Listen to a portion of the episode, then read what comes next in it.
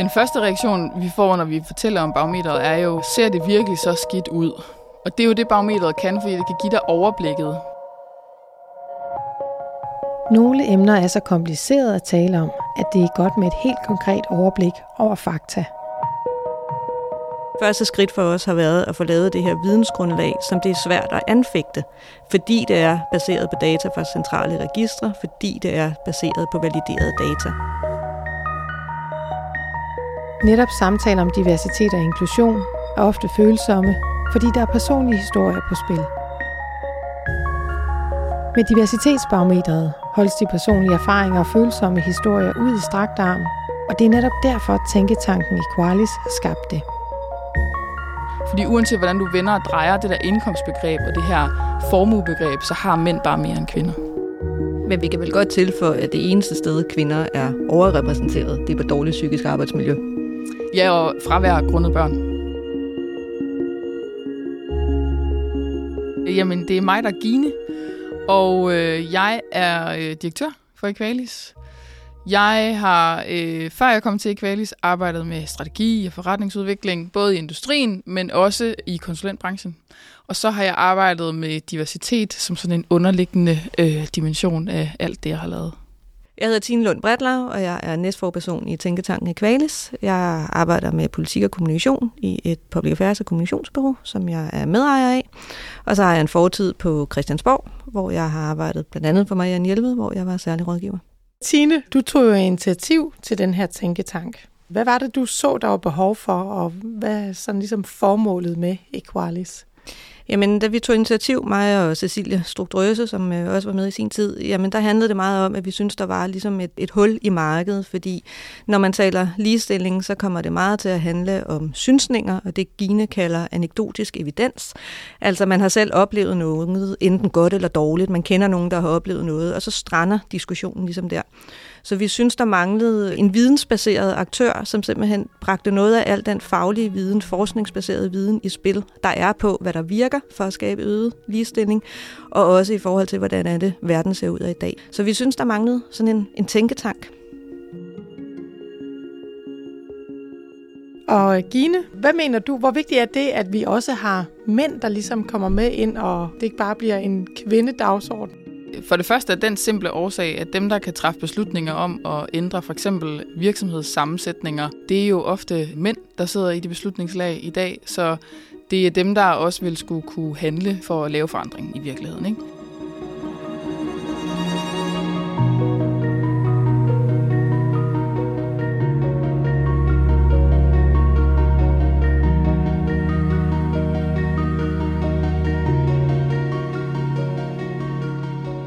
Har mændene været lidt sene til at se, hvad det egentlig handler om? At det ikke handler så meget om, at der er nogen, der står og føler sig udenfor i klubben?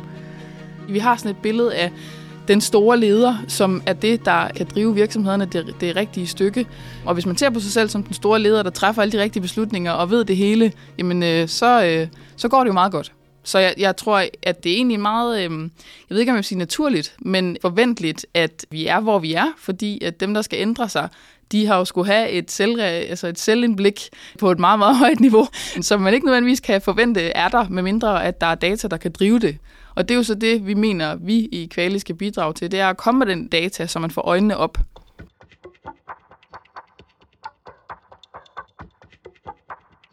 Diversitetsbarometeret, det er en samling af data på fem temaer.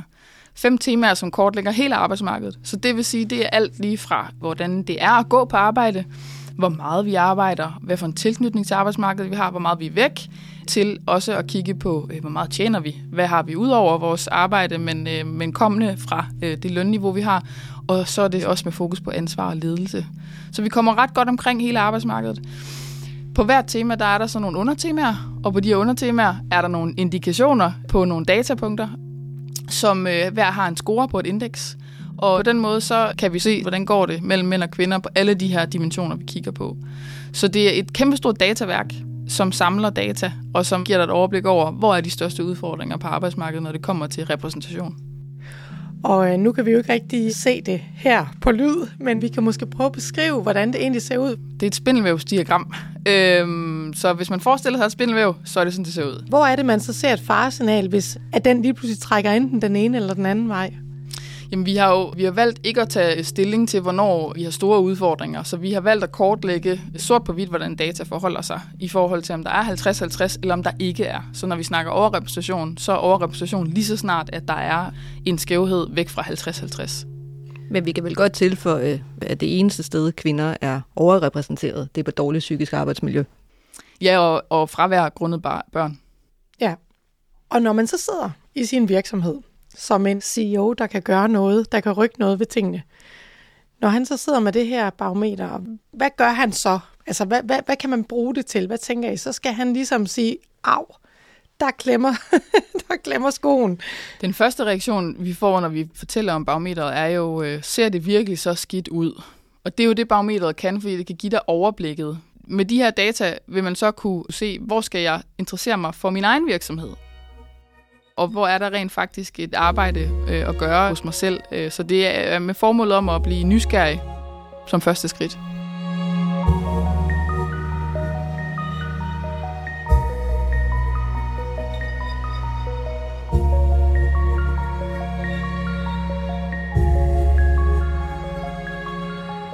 Jeg ved, at I har i hvert fald fire hovedkonklusioner ud af det her barometer.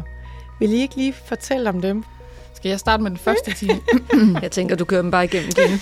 Du er så godt inde i dem. Jeg kan dem i hvert fald lidt. Så den første handler om, hvor den største udfordring, hvor den største skævhed er mellem mænd og kvinder på vores arbejdsmarked, og det er ledelse. Som du siger, det er ikke nødvendigvis overraskende, hvis man ved bare lidt om diversitetsudfordringer på arbejdsmarkedet.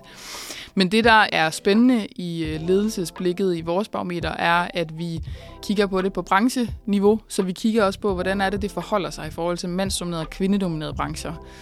Og vi kan se, at på mandsdominerede brancher, på de øverste ledelseslag øh, i den private sektor, der er mænd overrepræsenteret, stærkt overrepræsenteret.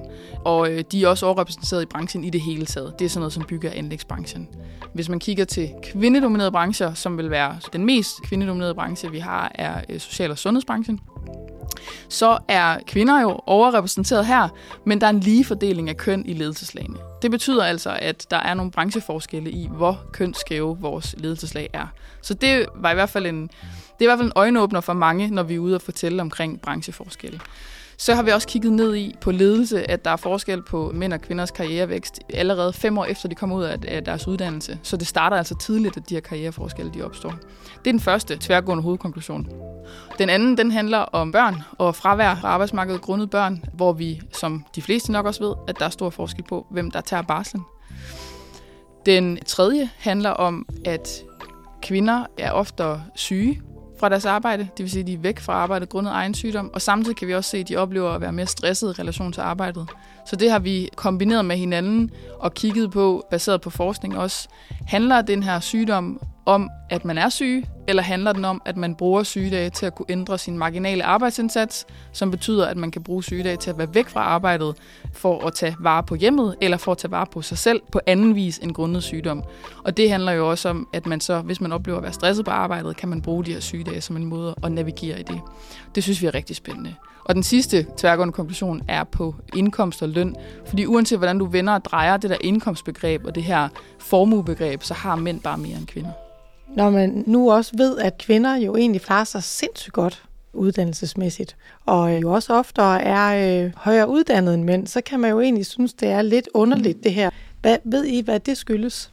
Der er jo to måder at kigge på ledelsesskævhed på, ikke? Altså to argumenter, der bliver brugt rigtig meget. Der er et argument, der hedder lack of pipeline, som handler om blandt andet det, som jeg sagde i forhold til branche, altså hvor stor er bruttogruppen af dem, du kan rekruttere fra. Og så er der nogen, der siger, at hvis bruttogruppen af kvinder for eksempel er lille for en branche, lad os for eksempel tage bygge og anlæg, så betyder det altså også, at jeg naturligt ikke kan få så mange kvinder for eksempel ind i ledelseslagene, fordi de er der bare ikke. Det andet argument, det er det, der hedder leaking pipelines, som hvis man kigger på sin arbejdsplads, øh, hvad hedder det, vertikalt, og kigger på, hvordan ser fordelingen af køn ud på forskellige niveauer i min virksomhed, så er der den her teori og øh, forskningsbevist, at øh, jo højere du kommer op i virksomheden, jo flere kvinder vil falde fra. Og de to kombinationer kan man jo arbejde rigtig meget med ind i det her forklaring på, hvorfor er det, at erhvervsfrekvensen for kvinder er så høj i Danmark, altså nærmest en højeste erhvervsfrekvens for kvinder i Europa, og samtidig har vi så lave andele i ledelse.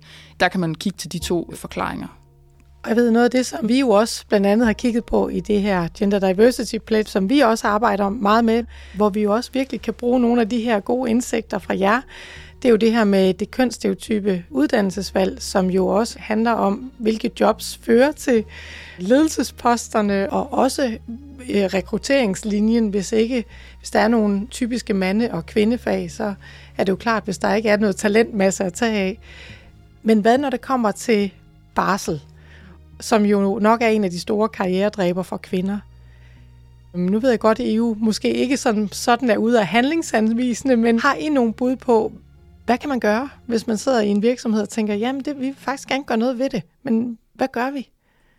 Jamen, jeg tror, der er flere ting i det. For det første, så handler det jo rigtig meget om en kulturforandring. Det her med, at vi begynder også i de øverste ledelseslag at have en forståelse for, at det ikke kun er kvinder, der tager barsel. Sådan at når der kommer en yngre mandlig medarbejder, det kan selvfølgelig også være en ældre, de kan også få børn, og siger, jeg vil faktisk gerne have øh, fire måneders barsel, at så er der en åbenhed for det, og der er en mulighed for, at det kan lade sig gøre. Så er der også noget strukturelt, som der skal kigges på i forhold til, jamen, hvad er det egentlig, der kan lade sig gøre i forhold til barselsrefusion. Og det ved jeg, Gina har kigget rigtig, rigtig godt ind i her det seneste stykke tid, fordi vi har fået, ligesom, hvad skal man sige, vi har fået rammebetingelserne på plads med de nye barselsregler, men de er bare stadig ikke optimale. Og det er noget af det, Equalis gerne vil bruge noget tid på at få justeret på.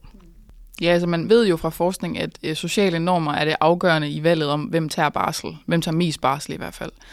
Og det er sociale normer, når man ser på det som sådan en familiebeslutning. Men samtidig ved man også, at for mænd, der fylder økonomi rigtig meget. Så mænd har en betalingsvillighed på 6% for at kunne tage barsel. Ikke? Kvinders betalingsvillighed, den er altså 40%. Og det kommer ud af, at vi bliver påvirket af sociale normer. Så det, man kan gøre som virksomhed, det er at sikre, at man har, for det første, som Tine siger, kulturelt en opbakning til, at man, altså barsel er noget, alle tager. Så barsel er ikke et valg for nogen længere. Nu er barsel en, en rettighed og øh, simpelthen øh, normalen. Ikke? Og ellers så kan man også simpelthen kigge på, om man kan arbejde med andre typer af vilkår ind i barslen, så man notcher så meget som muligt som virksomhed til, at det, kan, øh, det bliver brugt. Og det er jo sådan lidt interessant det her, fordi man kan sige, i gamle dage, der var arbejdet bare noget, man sådan tjekkede ind og ud af, og man var måske nærmest bare sit fornavn og kom og gik og var egentlig ikke så privat. Og det er som om, at i det moderne arbejdsmarked, der trækker vi lidt mere privatlivet med ind, og det der med det hele menneske. Fordi hvem tager barsel og sådan noget, det der tror jeg, der er mange, der vil se som, hey, det er en privat sag, det er der ikke nogen virksomhed, der skal komme og blande sig i. Og der ved vi jo også, at der er mange kvinder, der godt kan have lidt sådan, hey, I skal ikke komme og pille med vores barsel. Hvad vil I sige til de kvinder, som jo også lige skal tænke over, hvad de vil fremadrettet? Jeg vil i hvert fald sige, for det første, som kvinde kan du tage lige så meget barsel i dag med den nye lovgivning, som du som kvinder i gennemsnit gjorde med den gamle lovgivning. Det vil altså sige, at gennemsnitligt, så er adfærden ikke ændret. Adfærden behøver i hvert fald ikke at være ændret gennemsnitligt.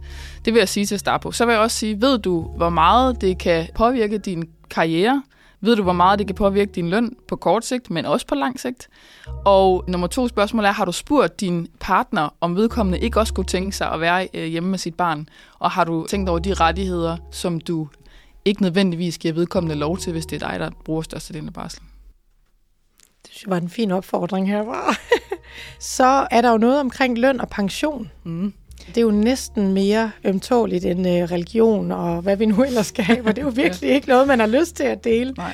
Hvad skal virksomhederne være opmærksom på der? Jamen, der ligger jo for eksempel noget i den måde, vi forhandler løn på, når man går ind i en lønforhandling. Der er der jo lavet undersøgelser, der også viser, at der er forskel i den måde, en kvinde går til en lønforhandling på, og en mand går til en lønforhandling på. Nu generaliserer vi groft igen.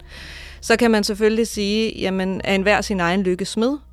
Så vinder mændene det der kapløb om at få mest i løn. Man kan også som virksomhed gå ind og prøve at lave nogle mere strukturelt baserede tilgang til, hvordan man fordeler løn. Sådan at det ikke er bare, at hvis jeg er allerbedst til at sælge mig selv, så får jeg mest i løn. Man kan gå ind og kigge på kompetencer, lave nogle vurderinger osv., og også være med til at sikre, at kvinderne får det løft, som der er brug for på baggrund af deres kompetencer.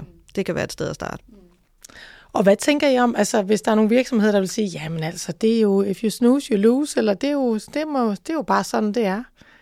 jamen så kan man sige, at så får de nok ikke den diversitet, som også på en positiv måde kan komme til at påvirke deres virksomhedskultur og deres forretning på den lange bane.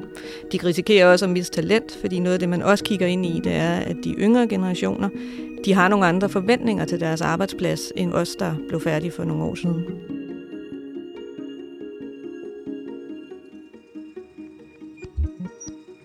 Når vi kigger på det her flotte arbejde, I har lavet, som jo er et ret godt billede af, hvordan tingens tilstand er, hvordan undgår vi, at det ikke bare bliver sådan et billede, vi alle sammen står og kigger på og siger, ej, det er også for dårligt, og så ikke får gjort mere ved det. Jamen, det er jo det, der altid er en stor udfordring. Det er det her med at få skabt handlingen. Men altså, vi har ligesom haft den tilgang, at vi bliver nødt til at starte med ligesom at have et fælles vidensgrundlag. Fordi der er jo tidligere blevet lavet internationale undersøgelser, for eksempel World Economic Forum, der kommer med deres årlige køns rapport, hvor at når den er kommet, jamen så er indikation, eller indikatorerne blevet diskuteret. Vi har ikke kigget så meget på, at Danmark er raslet ned af den der rangliste, de laver. Det har mere været en konstatering, at nu ligger vi på en 29. plads, og nu er vi faldet 14 pladser i forhold til sidst osv. Og, og så har man brugt tiden på at sige, at vi er alligevel ikke sammenlignelige med Costa Rica eller med Bangladesh eller nogle af de andre lande, der også indgår i den rapport. Så man siger, at første skridt for os har været at få lavet det her vidensgrundlag, som det er svært at anfægte, fordi det er baseret på data fra centrale registre, fordi det er baseret på validerede data. Og man kan sige, at når man har et udgangspunkt, et fælles udgangspunkt, der er evidensbaseret, så kan man starte en anden samtale. Den næste store opgave er jo selvfølgelig at få det ud og arbejde ude i virksomhederne. Og der tror vi også rigtig meget på, altså at helt gammeldags oplysning er et, et rigtig godt middel. Samtidig så indgår vi jo også partnerskaber med virksomheder om konkrete analyser, konkrete forankringsbehov, virksomheder og organisationer. Og man kan sige, at i den sidste del af den her øh, kæde, der vil vi jo også gerne have politikerne til at justere lidt på rammebetingelserne, fordi det er jo ofte, at hvis man skal skabe sådan en stor samfundsmæssig forandring, så er det tit en kombination af lidt pisk og lidt gulerødder. Ikke? Altså lidt stram regulering og lidt incitamentstruktur plejer at være sådan en meget god cocktail, hvis man skal, skal flytte noget. Så der er jo også behov for at kigge ind i rammebetingelserne. Er der et næste emne, I begynder at kigge ind i, hvor I sådan tænker, Aus, der er, det, det er det næste, vi, vi skal til at tale om. Vi arbejder blandt andet lige nu på ledelse, som vi talte om. Det der med at prøve at forstå, hvad er det, der foregår i de første par år af din karriere, når du kommer ud? Hvordan er det, vi allerede der ser anderledes på vores karriere og på vores selv og på forventningerne til os, når vi står der på det tidspunkt i livet, fordi det allerede er afgørende, hvad vi vælger at gøre og hvad vi bliver påvirket af. Og så det her med at kigge på andre typer af udfordringer. Der opstår jo ofte det, at når man først begynder at dykke ned i noget og ser, hvor udfordringerne ligger og begynder at forstå mekanismerne, så bliver det mere og mere klart, hvor der skal handles. Og det er en bevidsthedsrejse, vi er på sammen med vores partnere og også sammen med vores advisory board, som vi jo i øvrigt har, som består af en masse dygtige forskere. Og, øh, og i det arbejde, der bliver vi jo klogere hele tiden. Og det, der er bare vigtigt for os, det er at få den viden ud at leve på en måde, som er let tilgængelig og forståelig, sådan at det ikke kræver, at du skal læse en hel forskningsartikel for at forstå forskningen, men nu rent faktisk kan bruge det til hurtigt at kunne handle. Og det er jo sådan et uh, iterativt arbejde, som vi gør hele tiden. Så jeg vil også sige, at hvis man er spændt på, hvad er det næste store uh, Danmark skal arbejde med på diversitetsområdet, så skal man bare uh, følge med, hvad vi laver, og så, uh, så skal man nok blive klogere. Det lyder som en god opfordring. Tine, har du noget afsluttende, du? Jamen, jeg er meget enig i det, Gine siger. Altså, fordi det har jo hele tiden været tænkt diversitetsbarometer som netop arbejdsprogrammet. Fordi når man ligesom kunne se, hvor hullerne var, så kan man også se, hvor man skal sætte ind. Og der er virkelig noget at tage fat på stadigvæk. Jeg vil rigtig gerne invitere jer til at komme tilbage i podcasten, og jeg håber, at når I så kommer tilbage, så har vi en fantastisk cirkel på diversitetsbarometer, hvor der slet ikke er noget at arbejde med. Men jeg tror desværre ikke helt, det er rigtigt. tak fordi I kom. Tak fordi vi måtte. Tak fordi vi måtte.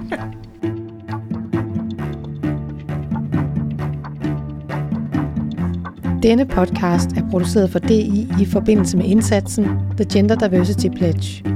DI's Gender Diversity Pledge henvender sig til alle virksomheder, der ønsker at arbejde aktivt for at fremme kønsdiversiteten i dansk erhvervsliv. Mit navn er Mika Fuglede. Jeg er producent på denne podcast, der er klippet og mixet af Rasmus Dalberg Jørgensen.